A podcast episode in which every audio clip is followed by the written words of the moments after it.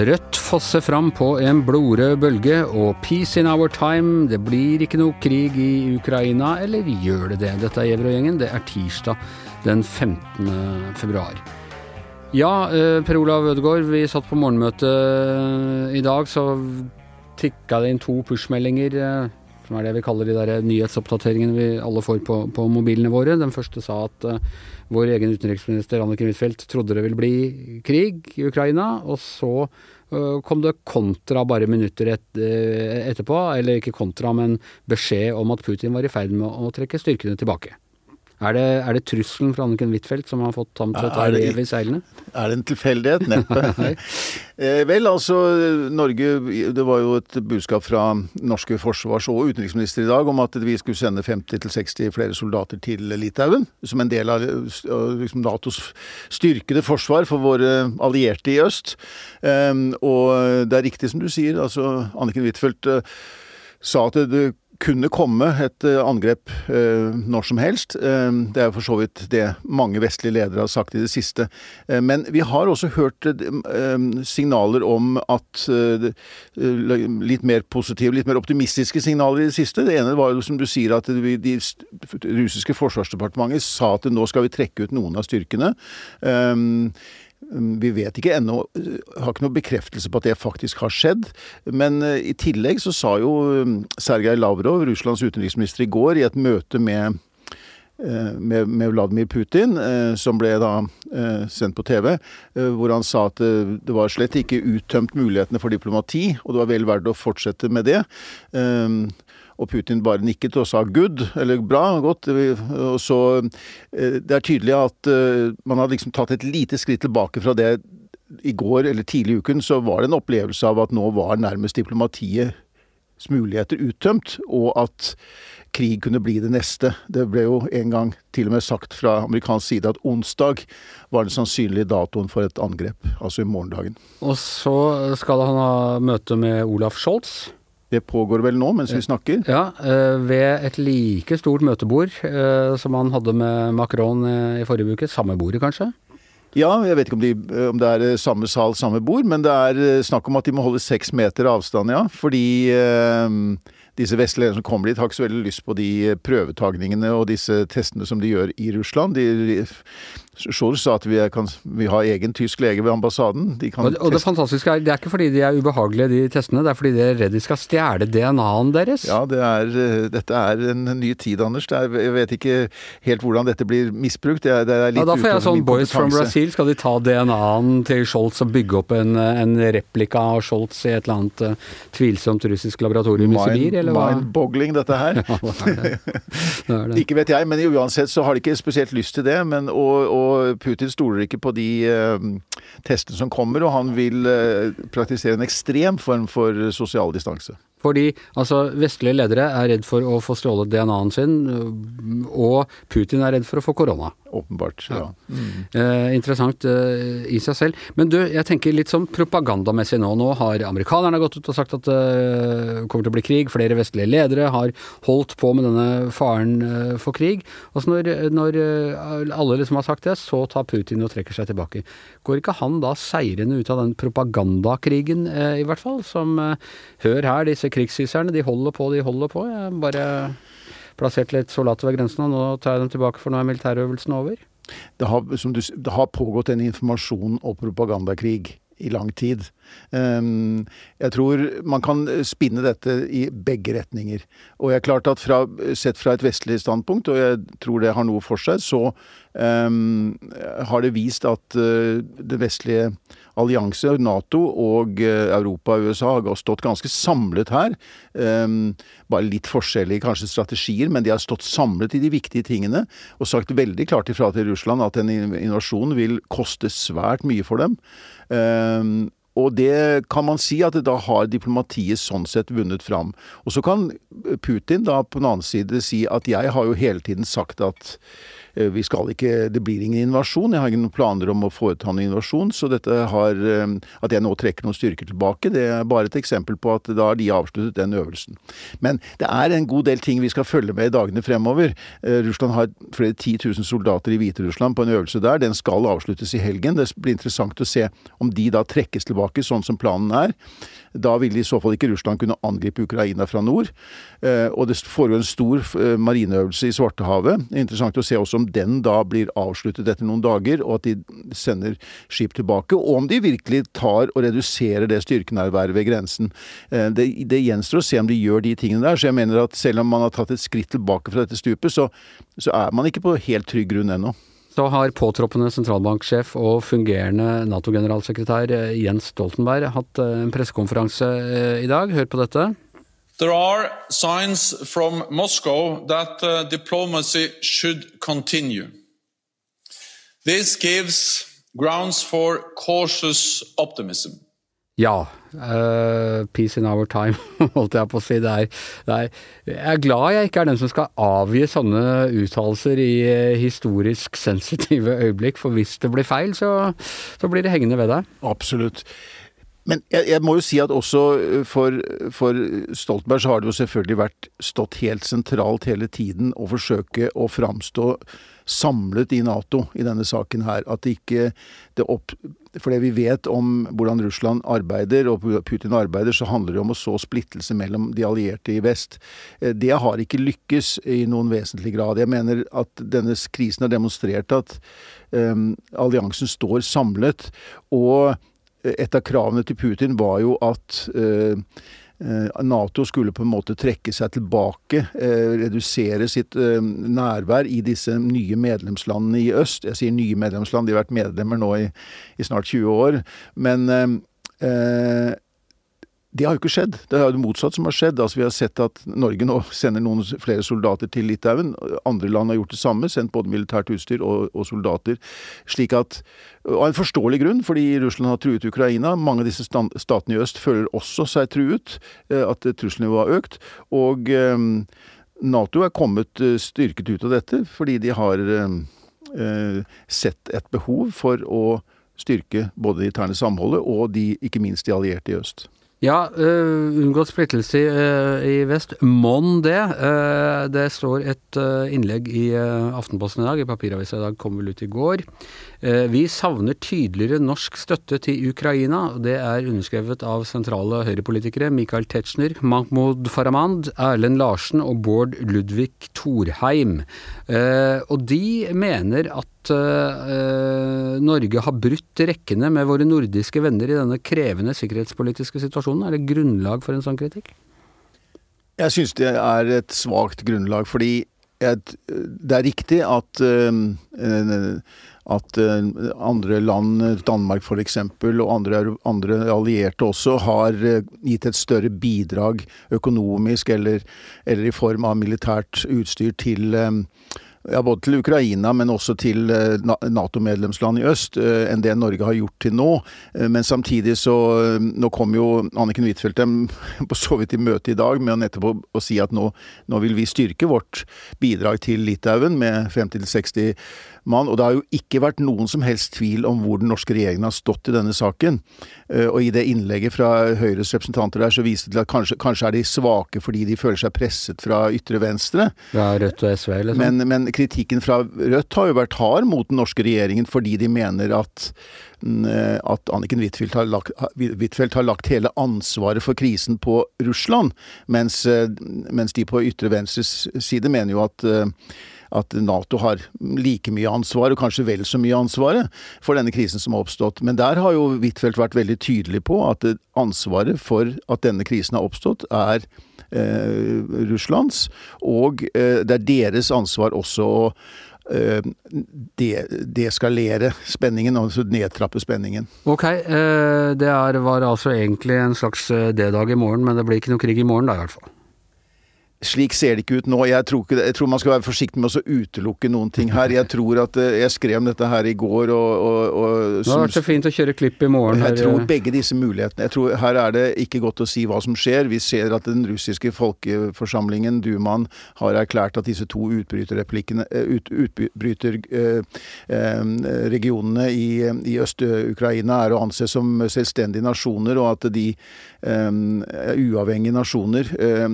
Og det å begynne å snakke om ehm, eh, å løsrive deler av Ukraina igjen, altså at man på en måte deler opp Ukraina trinn for trinn. Jeg, jeg, tror at denne krisen kommer til å være ved oss i lang tid, Anders. Jeg tror ikke dette er over eh, sånn at, med at vi setter noen tanks på jernbanevogner og kjører mot øst. Jeg tror denne krisen kommer til å være med oss i hele dette året, og at det kommer til å være viktig at man uh, følger veldig nøye med det som skjer. Men så har vi også sett, eller Rapportene fra Ukraina har jo gått på at det virker som folk der tar det ganske med ro. Det har ikke vært sånn hysterisk uh, hamstring eller uh, Men De har levd i en slags krisetilstand i lang tid, og helt siden 2014.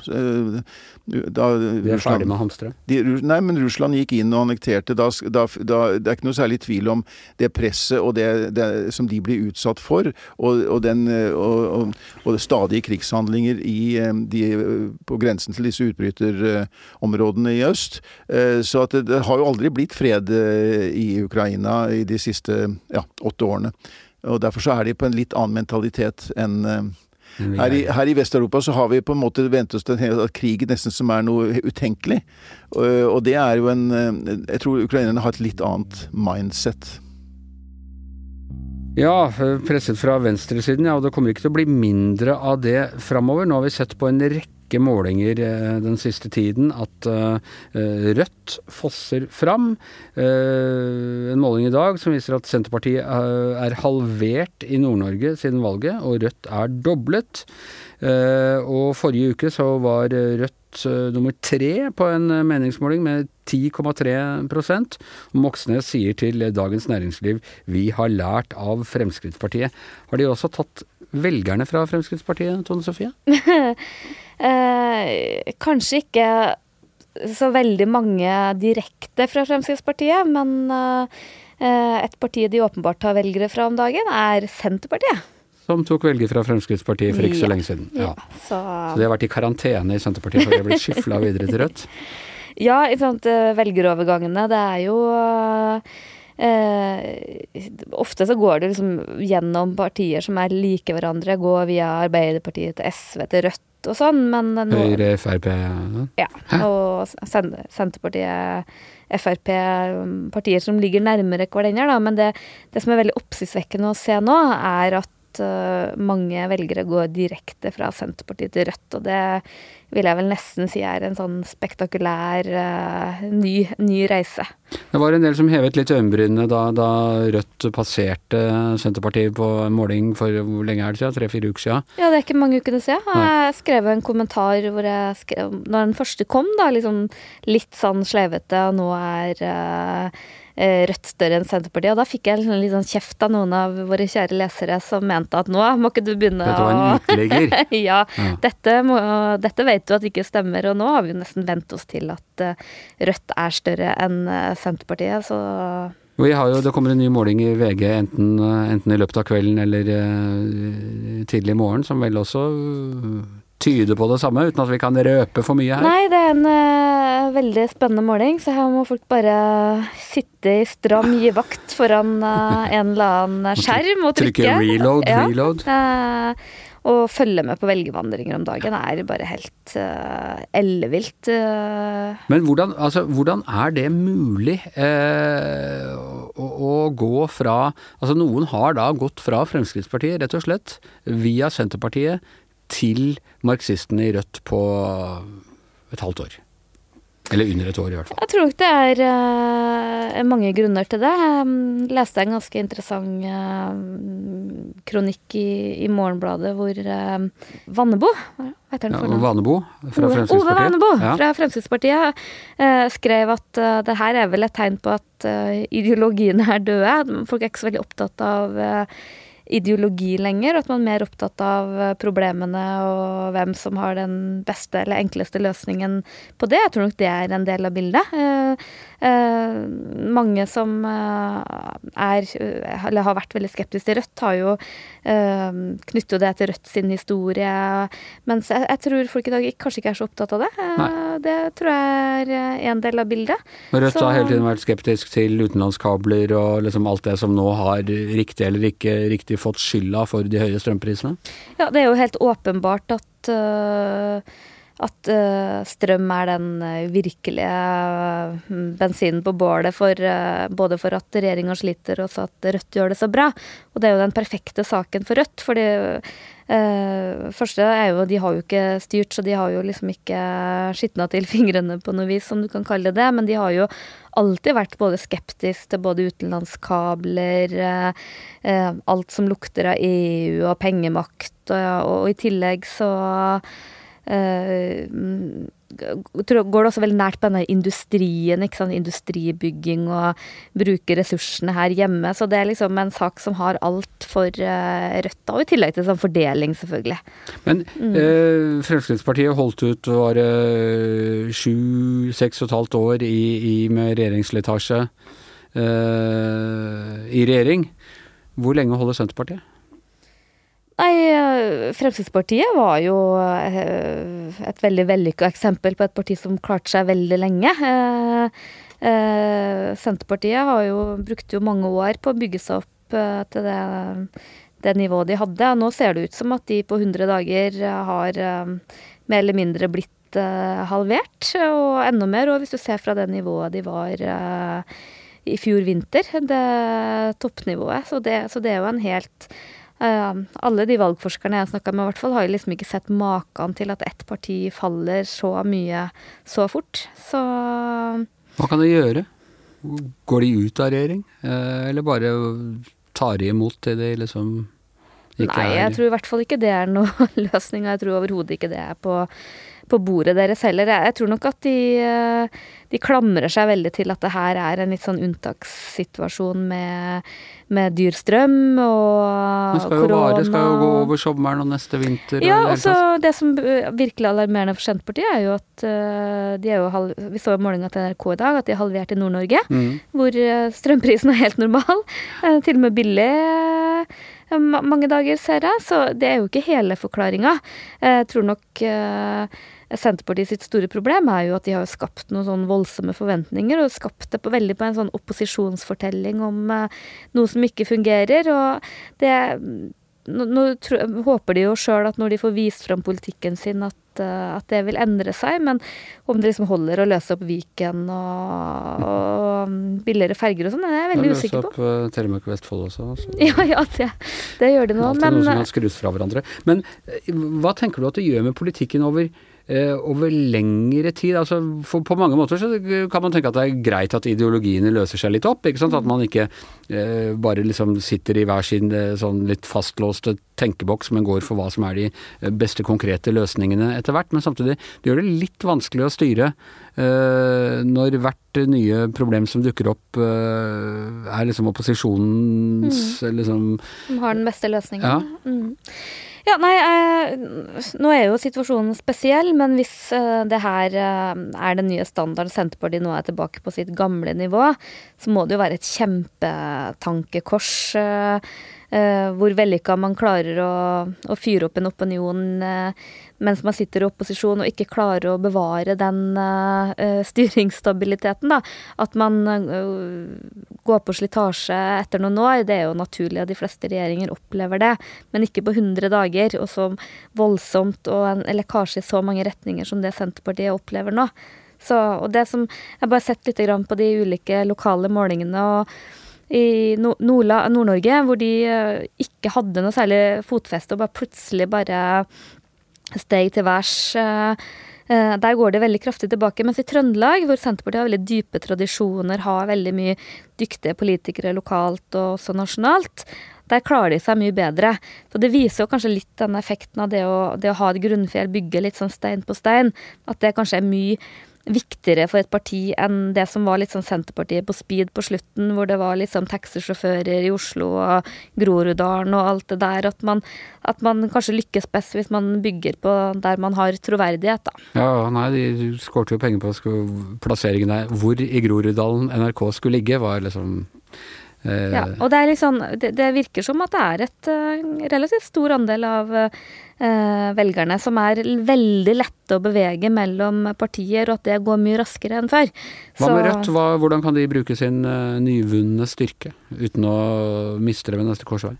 Nei, det er jo Rødt er jo litt sånn tydelig på at de vil ikke ha makt. De vil liksom bare ha Hva skjer med Frp? Gjen, ja Eh, I motsetning til Frp, for de, de gikk jo inn i regjering. Men De gikk jo ut av det eh, nå fordi det ikke lønte seg før valget. Ja, etter sju år.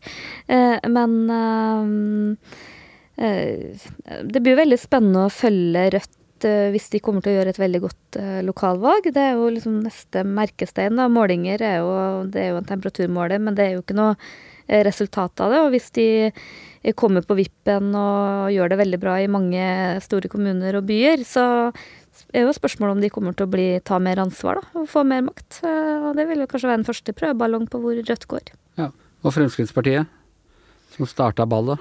Ja, nei, de eh, syns jo de får veldig lite ut av uh, opposisjonsrollen sin. Det er jo ikke noen partier som er så høyrøsta og løper etter alle baller som det Frp gjør nå, og får dårlig betalt på målingene. Det kan selvfølgelig være fordi de, det er såpass kort tid fra de satt i regjering at de ikke har bygd opp en troverdighet. Vi vet ikke liksom makstaket til Sylvi Listhaugs Frp, om det kanskje når et tak, men akkurat nå på meg virker det mer at de, de løper etter alle baller og er litt sånn eh, panisk i opposisjonen og ikke helt klarer å, å finne formen. Og i hvert fall for mye skrik og skrål i alle retninger, det tror jeg sjelden imponerer velgerne. Mens arvtakerne til AKP ML er de uh, som stormer fram. Det er en helt uh, utrolig uh, politisk situasjon. ja, og, og, det er jo det som er så absurd nå, at hvis du bare for ja, faktisk 100 dager sia hadde sagt at Rødt var større enn Senterpartiet, og vi knapt nok I dag så har vi nesten tatt det som en selvfølge, mm. men, men det ville vi ikke trodd for for 100 dager siden. Nei. Så det sier jo litt om hvor utrolig fort eh, det skifter i norsk politikk om dagen. Ja. Spennende. Følg med alle dere som er interessert i, i norsk politikk på målinga som kommer i eh, VG i løpet av kvelden eller, eller tidlig i morgen. Uh, Gjever og gjengen er over for i dag. Tusen takk til Per Olav Ødegaard. Tusen takk til Tone Sofie Aglen. Jeg heter Anders Giæver, og mannen som styrer produksjonsmidlene her i denne podkasten, er som vanlig produsent Magne Antonsen. Du har hørt en podkast fra VG. Ansvarlig redaktør, Gard Steiro.